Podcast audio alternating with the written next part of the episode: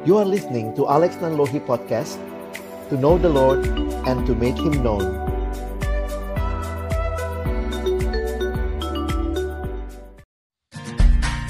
Hai sahabat perkantas, jumpa lagi dalam SMS Semenit menikmati Sabda. Jadi ingat nih, ada lagu anak-anak di sekolah minggu biasa dikatakan Hati-hati gunakan mulutmu.